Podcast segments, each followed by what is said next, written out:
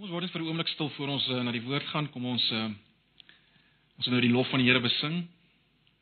Kom ons uh, vra nou vir hom om met ons te praat en met ons te werk deur sy woord en die werking van sy gees. Kom ons word net vir 'n oomblik stil. Ag Here, dit is waarlik vir ons wonderlik goed om U te aanbid met sang. Iets binne ons sê vir ons dit is waarvoor ons gemaak is om U so groot te maak U so te loof en te prys en te aanbid. Nou Here, nou wil ons vra dat U U woord nou verder sal gebruik om ons juis so te beweeg om U te aanbid, om U groot te maak. Nie net met ons sang nie, maar uiteindelik met wat ons dink, met wat ons sê, met hoe ons optree in hierdie wêreld elke dag. Asseblief, Here. Ag, ons verwagting is van U en van U alleen. ons kom in groot afhanklikheid na U in hierdie oggend.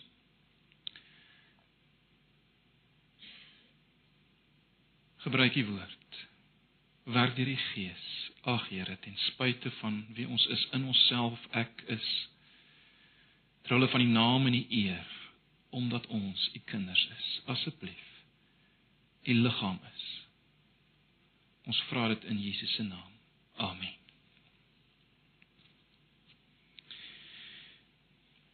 Nou ja, broers en susters, ons gaan voort met ons studie in Romeine. Ons is nou by Romeine hoofstuk 5. Enigste verskil vanoggend is dit gaan nou in Engels na julle toe kom. So ek het nou die teks mooi groot daar uitgedruk so as julle my nie kan volg nie, my Engels nie kan volg nie, dan kan jy ten minste dan die teks lees in Engels.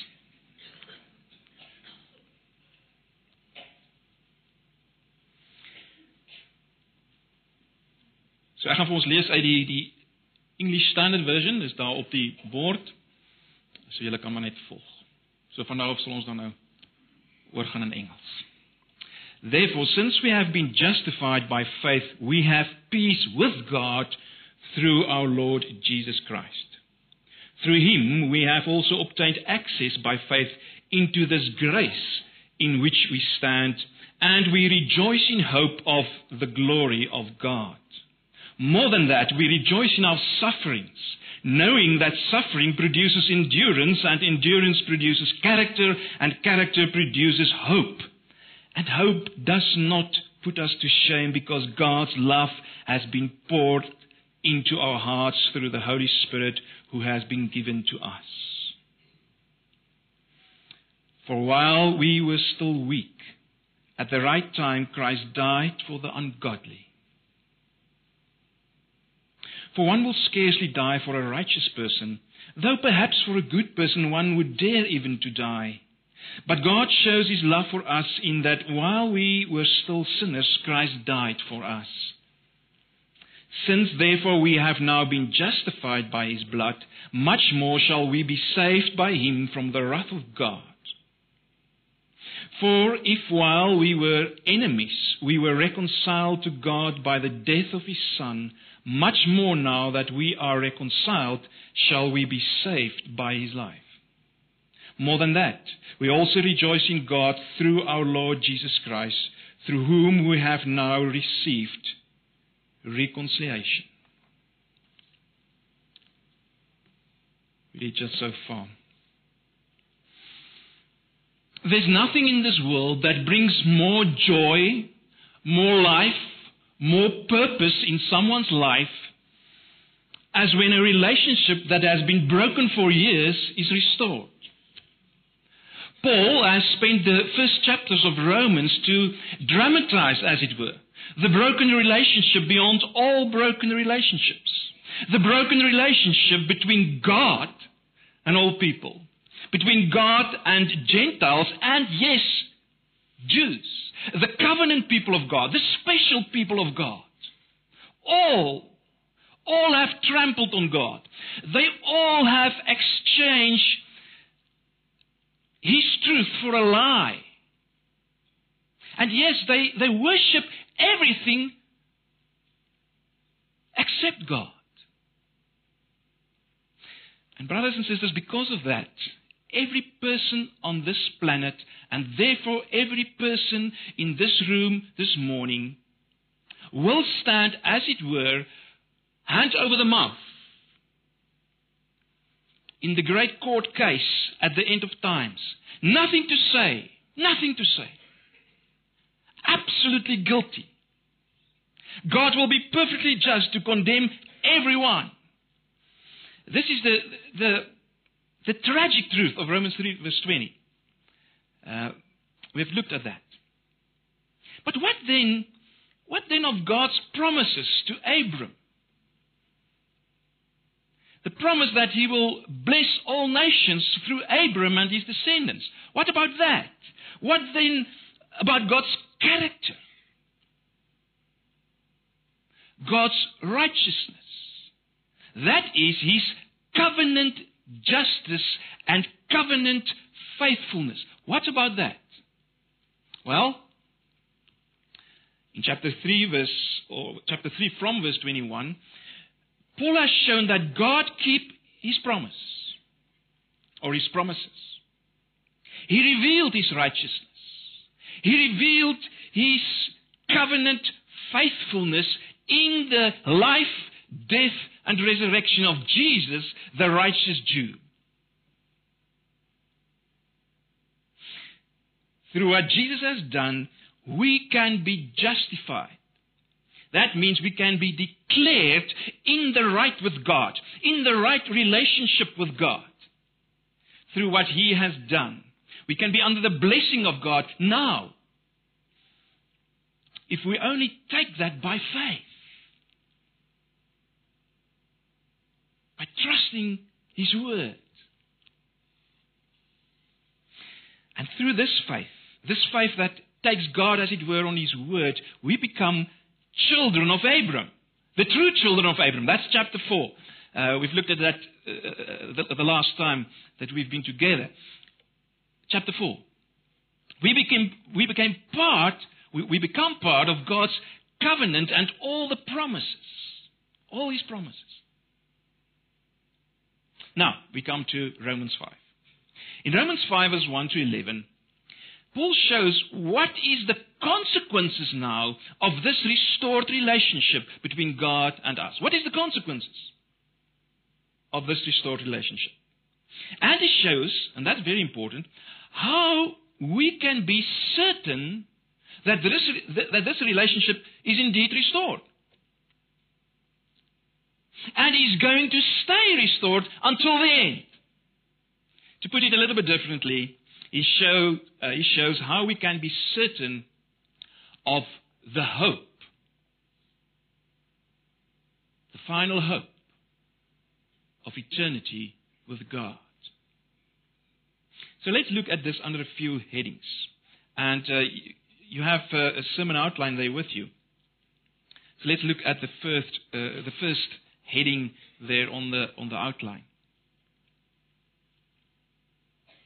What is ours because of this right relationship, this, this being right with God, this justification? What is ours? Well, three things. And I've highlighted there on, on, the, on the text. Three things. Firstly, peace with God. Secondly, access through faith to the grace in which we stand. And then thirdly, there's a rejoicing in the hope. There's this hope. And there's a rejoicing in this hope of the glory of God. This is that's uh, the three things uh, that we must see in these verses, in verse 1 to 4. Verse 1 says, Therefore, since we have been justified by faith, we have what? A warm glow in the heart, a sigh of relief that our sins has been forgiven, a new understanding what it means to be part of God's people. Yes, all of that. All of those things. But, brothers and sisters, at the center of it all, we have peace with God. Peace with God. Now, peace is a very rich biblical word. Our English word peace and Afrikaans vrede um, often has a, a sort of a negative sense the absence of hostility. But the Old Testament and, and the Jewish con- conception of, of, uh, of, peace, the word shalom, uh, was much more positive, connoting a general sense of, of harmonious well-being.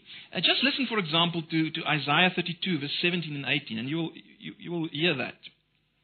I'll just read it uh, for you. And the effect of righteousness will be peace, and the result of righteousness, quietness and trust forever. My people will abide in a peaceful habitation, in secure dwellings, and in quiet resting places. That's the, that's the idea of shalom.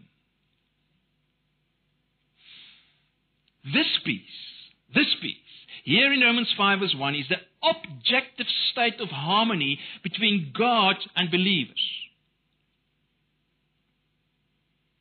Or to put it differently, it is the objective, objective state of harmony with God that believers who have been justified enjoy.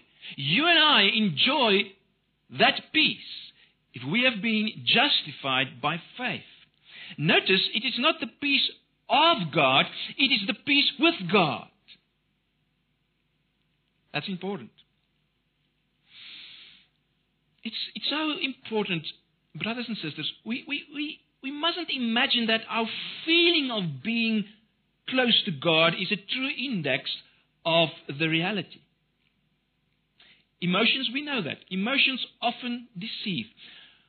Paul is summoning us here to understand the reality, the solid rock beneath the shifting sands of feeling.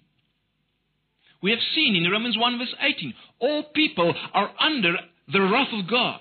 Now, in a sense, all people are, through Jesus Christ and what He has done, all believers are under the peace of God. You see the difference? And that's a fact. Peace with God. Another wonderful result of our justification is access by faith into this grace in which we now stand. That's verse 2. Now, the Greek word behind access suggests the same idea as the English word, uh, as when, for instance, we say a person has access to the president. Well, maybe that's not a very good example in our context, but anyway. Uh, you, you, get the, the idea. But interesting now, Paul surprises us by claiming not as we would expect. By claiming not as we would expect that we have now constant access to God, but that we have ex- access into this grace. Do you see that? We would expect he would say, well, we have now access to God. It therefore implies again how fundamental the notion of grace is to him. But important, grace here does not, as in the earlier verses, refer to the freedom with which God acts towards sinners. Rather, it is a state in which the believer lives. And that's important. And therefore, grace here, I think, uh, is almost a shorthand for the presence and the power of God Himself. It's a shorthand for the presence and power of God Himself. As a result of being justified by faith, we are in a, in a state of grace, a status, a position where we are surrounded by God's love and generosity, invited to breathe it in as our native air. And as we do so, we realize that, that this is what we were made for that this is what truly human existence ought to be like. And that it is the beginning of something so big, so massive, so, so unimaginable, beautiful, and powerful that we almost burst when we think of it.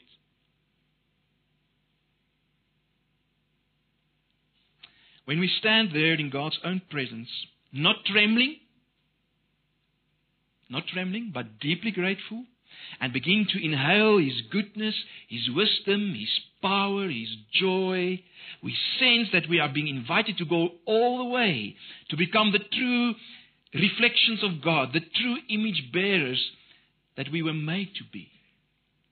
Paul puts it like this We rejoice in hope of the glory of God. This is the glory, brothers and sisters. This is the glory that we or, or let me put it like this, this this is the glory that was lost through idolatry and sin. Romans 3:23. When we finally inherit this glory, the whole creation will be set free from corruption and will share our new found, found freedom, the freedom to be our true selves at last. At last. That's Romans 8:21. We will come to that. But let's spend a little, more, a little bit more time at this third result. We have now already touched on it, eh? Uh, this third result of our new justified position. We rejoice. We rejoice in hope of the glory of God. Now, the verb here for rejoice suggests both the idea of taking confidence in and rejoicing in. Some trans, uh, translations uh, have, uh, got the word boast there. Uh, Afrikaans roem. Ek dink sommige van die vertalings het roem, ons roem dan. Paul introduces what, be, what becomes, in a sense, the theme of this paragraph the hope we have as Christians to share someday in God's glory. But notice, Paul quickly adds another surprising development. he says, We also rejoice or boast in our sufferings. We also rejoice in our sufferings. Verse 3. You see, having ministered with people for so many years, Paul knows that, that many will react to this enumeration of blessings in one of two ways. On the one hand, some will think he's promising a believer a trouble free existence, suggesting that life is, is, a, is a, or will be a bed of roses now that they belong to God, now that they are Christians. On the other hand, others who have been Christians long enough to, to know that suffering does, does not come to an end uh, the moment you become a Christian, well, they may dismiss Paul as an unrealistic dreamer. So Paul takes the offensive. Yes, he says in effect, I know Christians will suffer or continue to suffer, but life's difficulties do not contradict what I've been saying about the wonderful blessings of being a Christian. In fact, Paul is saying, in fact, God actually uses them to bring us even greater blessing. And of course, and, and we must remember that in the, in the bigger context, of course, uh, this suffering shows that you have the faith of Abram, the faith of chapter 4.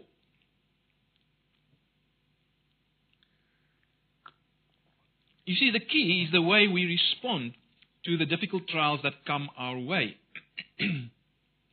what we must do is to recognize that God uses them to build into our lives, in the first place, endurance or perseverance, depending on your translation which in turn leads to character. Do you see that? Then we can truly rejoice. Then we can truly rejoice in the midst of suffering, knowing that God is at work even in these evil things to bring us blessing. Paradoxically, uh, Paul claims at the end of verse 4 suffering can actually lead to hope.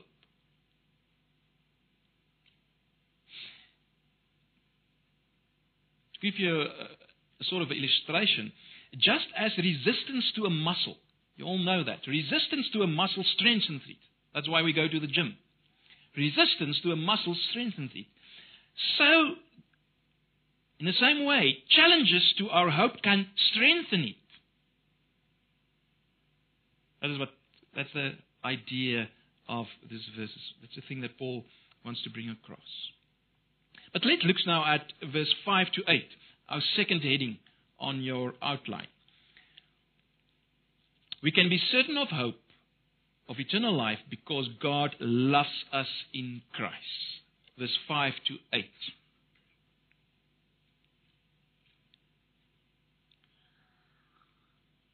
Why does Paul say that hope does not make us ashamed? Do you see that? I mean, why might it have done so anyway? I think the answer is that the Christian, like Abram, is called again and again to hope against hope. Uh, chapter 4, verse 18.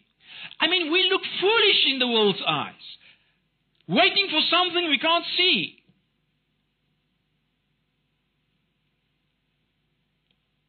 But we don't appear foolish to ourselves because we are sustained by something far deeper, something which grows directly out of the gift of peace with God, out of the reconciliation which Paul describes a few verses later.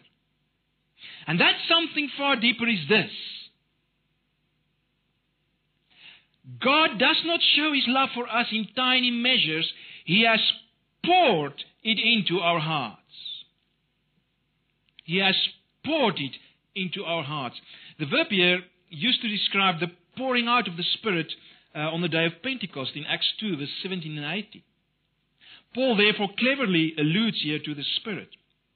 It is the Spirit dwelling in the heart of believers who communicates God's love to us. Paul says much more about the ministry of the Holy Spirit and about, uh, about God's love in, in chapter 8. Uh, we will come to that. But for now, it's important to, to see this love that God, as it would, pour out into our hearts through the Spirit. And, and brothers and sisters, this is a subjective experience. But alongside this subjective evidence of God's love, we also have, have objective proof of that love in the cross of Christ. And I think there is a there's an interaction between the subjective and the objective. I think the more you ponder the objective, the more the subjective becomes a reality. But uh, let's think about the objective just for a minute or, or two. Uh, look there. At the time God determined, at just the right point in salvation history, Christ died for the ungodly. Christ died for the ungodly.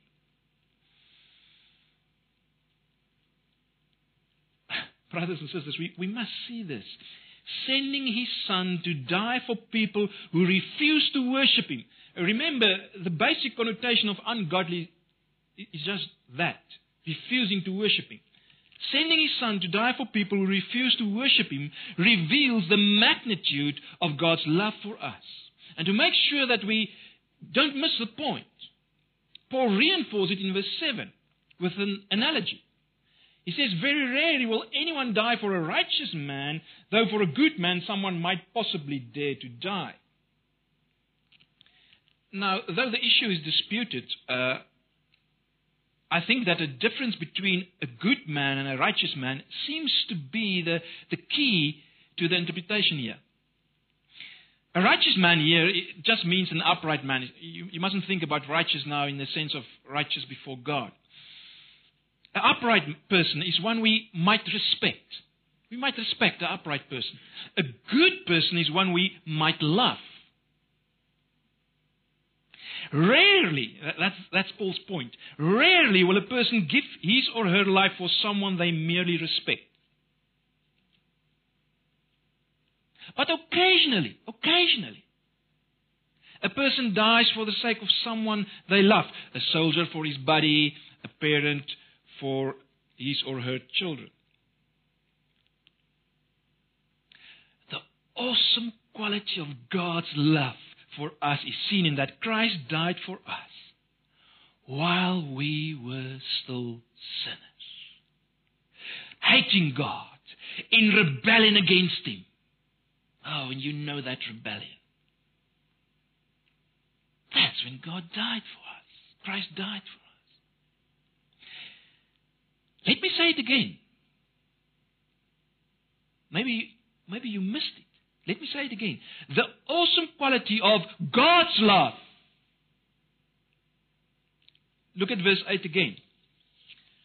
But God shows His love for us in that while we were still sinners, Christ died for us. You see, brothers and sisters, what Paul says here makes no sense unless Jesus, in his life and death, was the very incarnation, the very enfleshment of the living, loving God Himself.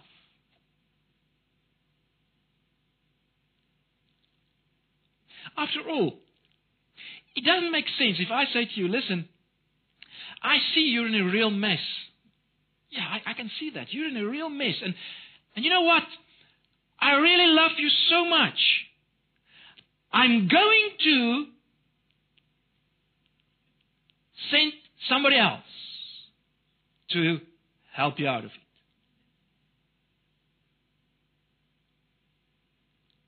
It doesn't make sense, does it? It doesn't make sense. If the death of Jesus demonstrates how much God loves us, that can only be because He is the fully human being in whom the living God is fully present.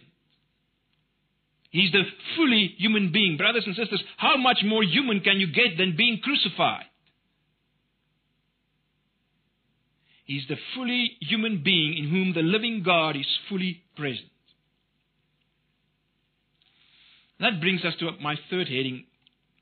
We can be certain and have hope because God has done something for us in Christ. Verse 9 to 11.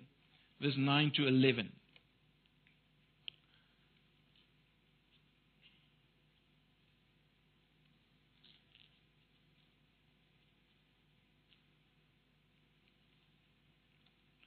Louise, can you get verse 9 to 11 there? Was it? Doesn't work. Okay. You will follow. Now, bringing rebellious sinners into relationship with God is an act of amazing love. We've seen it now, verse 5 to 8. Now that he has done that, Paul suggests we can be absolutely confident God will do what, in this sense, is the easier thing. Deliver from wrath people whom God has already brought to himself. That, that, I mean, that's the easier thing. If God has done the difficult thing, how much more is likely to complete the job by doing the easy bit? I mean, think of it. If someone has struggled up a sheer rock face against all the odds to get to the top of the mountain, they are not likely to, to give up when at the top of the vertical uh, wall they are faced with an easy stroll on a grassy path to get to the summit itself. If someone has driven to the other end of a country through rain and snow and freezing fog, uh, fog to, uh, to, to see a friend in need, they are not going to abandon this friend. When they arrive at the house, the sky is clear, the sun comes out, and all they have to do is to walk up, walk up the garden path, and ring the doorbell. You see, that is the force of Paul's argument in verses 9 and 10. That is, that is the force of his argument. If God has done the difficult thing, how much more is likely to complete the job by doing the easy bit?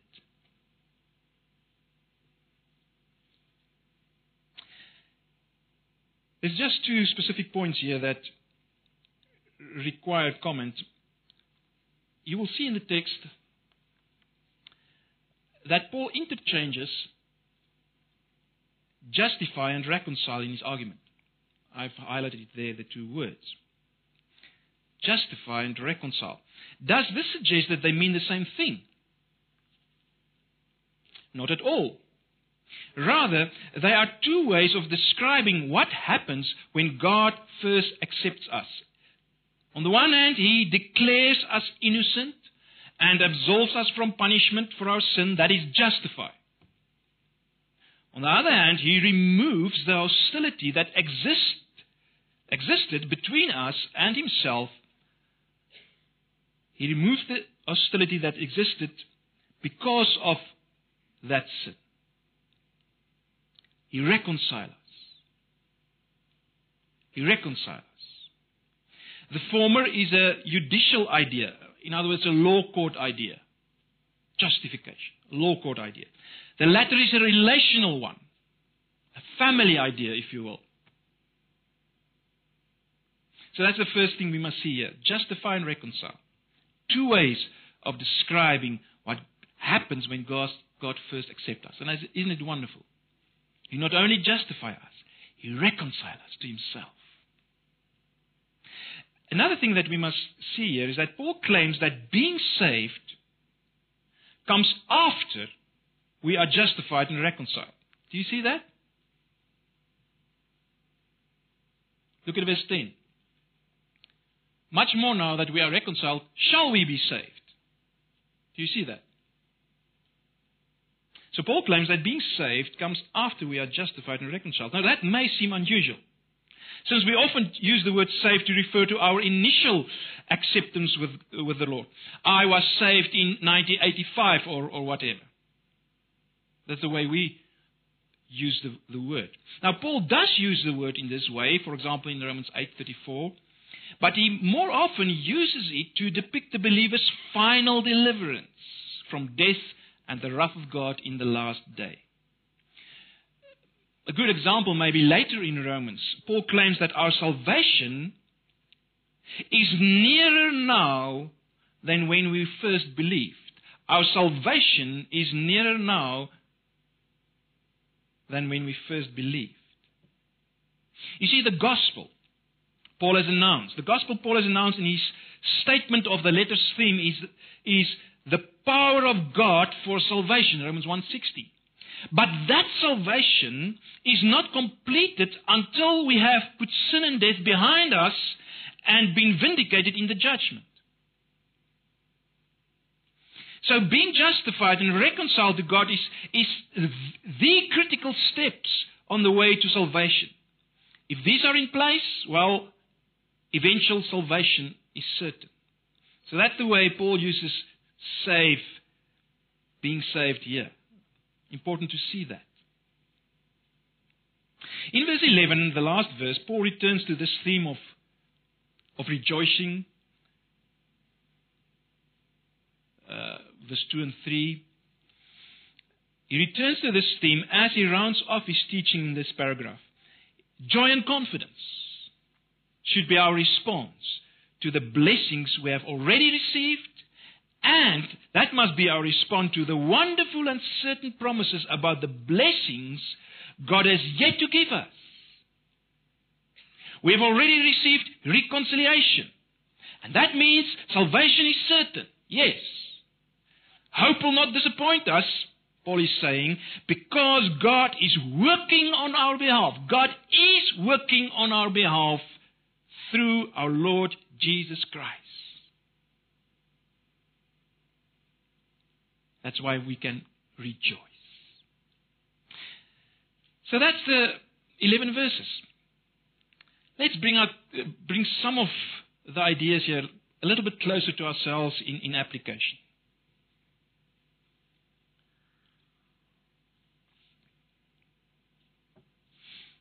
And the first point I want to make is this embrace and enjoy the love of God. Embrace and enjoy the love of God. Oh, brothers and sisters, we must never get used to the idea or used to the love of God for us. You must never get uh, used to the love of God for you. Paul's vision of God's love, rising here like the morning sun on a, on a on a clear summer morning, shines through all the details that has gone before.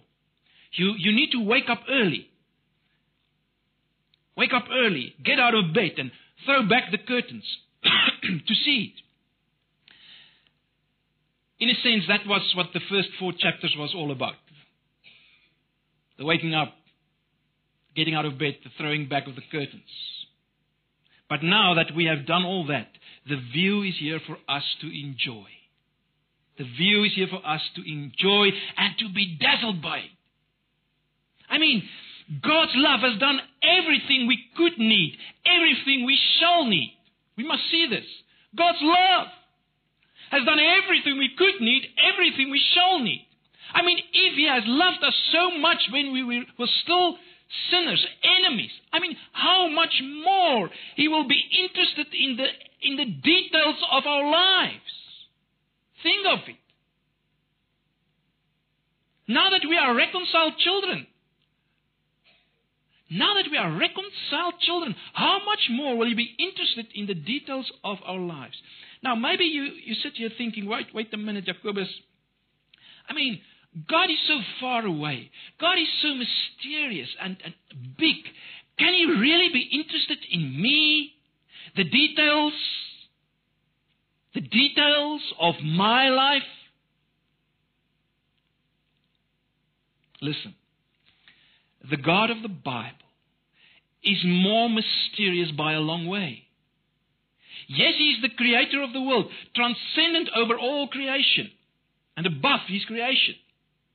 And yet, and yet, because His very nature is love, because His very nature is life, it is, as we might say, completely natural for Him.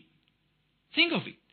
It's completely natural for him to establish personal one to one relations with every single one of us, yes, even with you.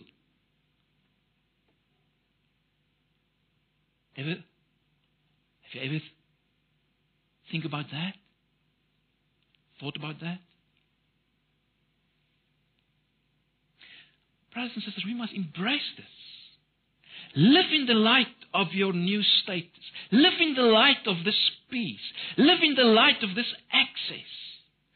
Think and act as a reconciled child before a loving father. Not as a guilty prisoner before a prison guard. That's often the problem with us. That's the way we think and live before God. We always feel guilty and we're always sort of afraid of God. And no. No. Think and act as a reconciled child before a loving Father. That's the way we must think and live in the light of Romans 5.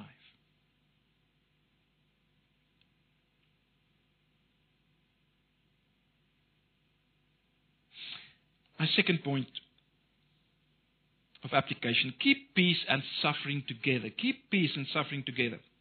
If you are sitting here this morning, you are prob- probably a believer in Jesus Christ and you have the peace with God that the gospel offers. But some, some of you may not have made this commitment. God invites you, as it were, this morning to accept His offer of peace and to enjoy the comfort that comes only from knowing you are in harmony with your Creator, that can become now your Father. And you can do this now. You can accept Him this morning. You can accept this offer. Embrace it. Take Him on His word. Believe it. But now, very important, let us not misunderstand what the peace that God wants to give us really means. True peace, we are tempted to think, should mean that we have no more worries and no more problems. I suspect some of us, at least, are prone to the tendency to, to dismiss suffering as a rather remote possibility and perhaps even regard it as something basically out of keeping with the victorious Christian life, as we often uh, use that phrase. So I think it's important to take to heart what Paul says about suffering in verses 3 and 4. I think there's more or less four points, implicitly or explicitly, uh, that can give us a better perspective on suffering. I just want to make a few remarks on that. Firstly, what we must see here is this suffering is a normal part of consistent Christian life. Suffering is a normal part of consistent Christian life. Everywhere in the New Testament, it is assumed that believers will suffer. Yes, God has adopted us as His children, but we still live in a world that is hostile to God and, and God's values. And precisely because we are God's children, and to the degree that we lift out His values, well, people hostile towards God will be hostile towards us. That's just a fact. Always remember that. Paul's, Paul assumes this perspective by introducing the fact of suffering in verse 3 without any preamble or explanation. It just, he just assumes this. Brothers and sisters, we must know this. Suffering is a normal part of consistent Christian life. Secondly, God uses suffering to accomplish his purposes. What Paul says about suffering in verse 3 and 4 is echoed in James uh, 1, verse 2 to 4, and also in 1 Peter 1, verse 6. The trials of life are means of testing our faith and giving substance and strength to our Christian commitment.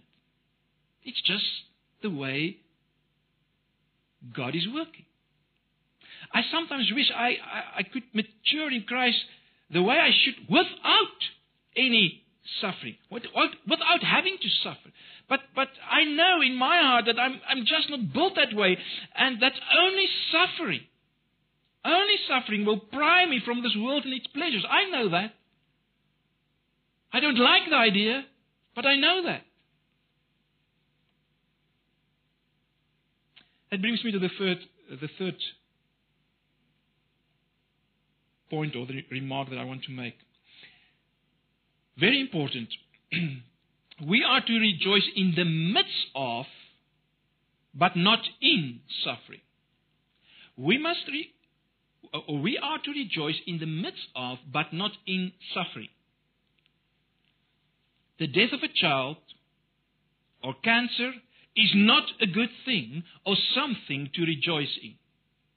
Yet some Christians almost go this far in their application of, of verses like Romans 5, verse 3, as if we are to praise God for cancer, for the loss of a job or the death of a loved one. Now that's just not true. We must never praise God for or rejoicing in evil things. God hates these things. They are no part of His original creation. And He will someday eradicate them. How can we rejoice in them? No, Paul calls us or call on us to rejoice in the midst of afflictions and even to rejoice because of afflictions, knowing what God will accomplish with them. But, listen, he does not ask us to be joyful about the affliction itself. That's important. He does not ask us to be joyful about the affliction itself. So that's the first, uh, the third point I want to make. We are to rejoice in the midst of suffering, but not in suffering. Fourthly and lastly, the suffering Paul speaks of here includes all the difficulties of this life. The suffering Paul speaks of here includes all the difficulties of this life. In other words, he's not only talking about persecution for Christ's sake. He's not only talking about that. Remember, in a certain sense, in a certain sense, everything that a Christian suffers is on behalf of Christ. Think about it. The evil things we face reflect the conflict between this age, dominated by Satan and sin, and sin according to the Bible, and the age to come to which believers already has been transferred to by faith. Everything that a Christian suffers reflect this conflict between these two ages, as it were.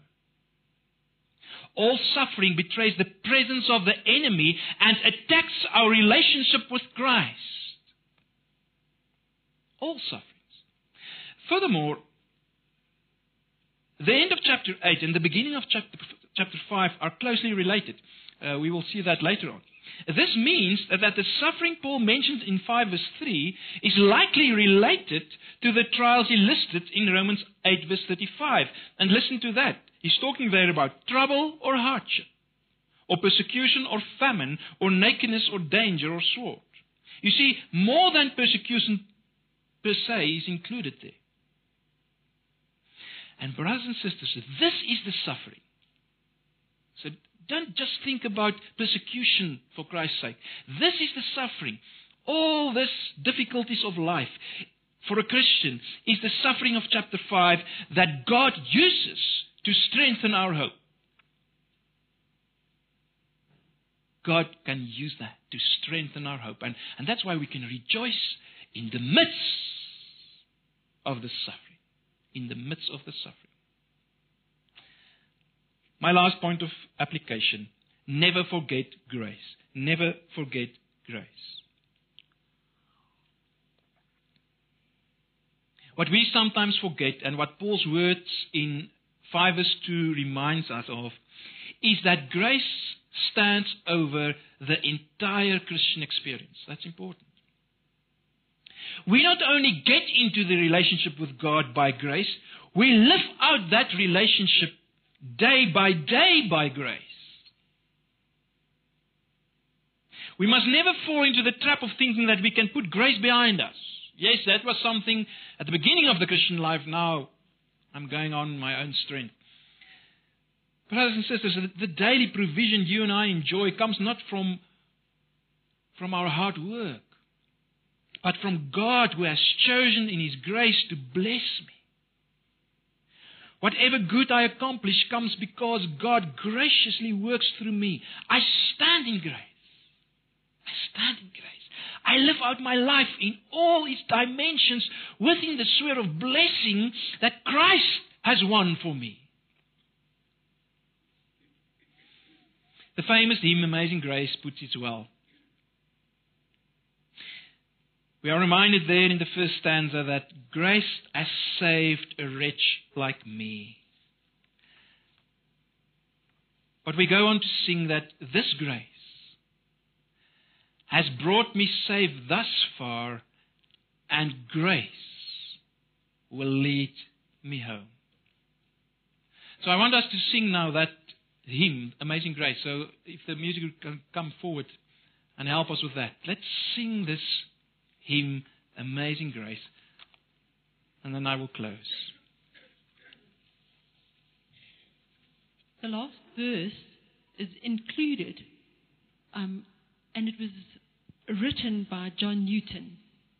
It's not normally included, but it is been included this morning. And and it testifies of that lavishing grace that has been just poured over us. So our hearts are full of thankfulness this morning because we can stand in the grace of what He's accomplished.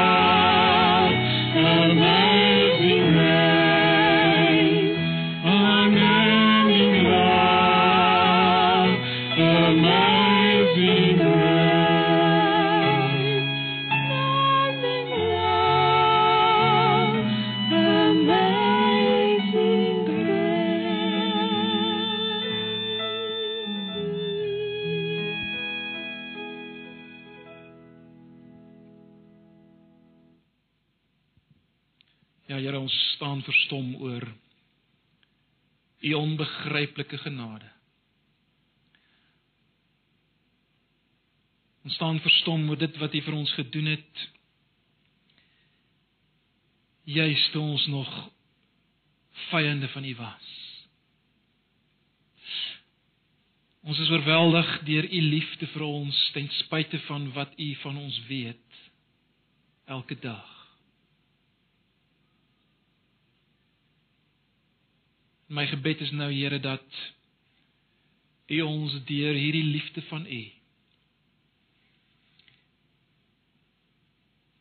deur dit wat u vir ons gedoen het en dit wat ons deel is dat u dit sal gebruik om ons te lanseer tot diensbaarheid vir u en u koninkryk op 'n nuwe manier hier in Antipas. Asseblief Ons vra dit net in die naam bo alle name Jesus Christus ons Here. Mag nou die genade van ons Here Jesus en die liefde van God en die gemeenskap van sy Heilige Gees met julle wees en bly in hierdie week en in die dae wat voorlê. Amen.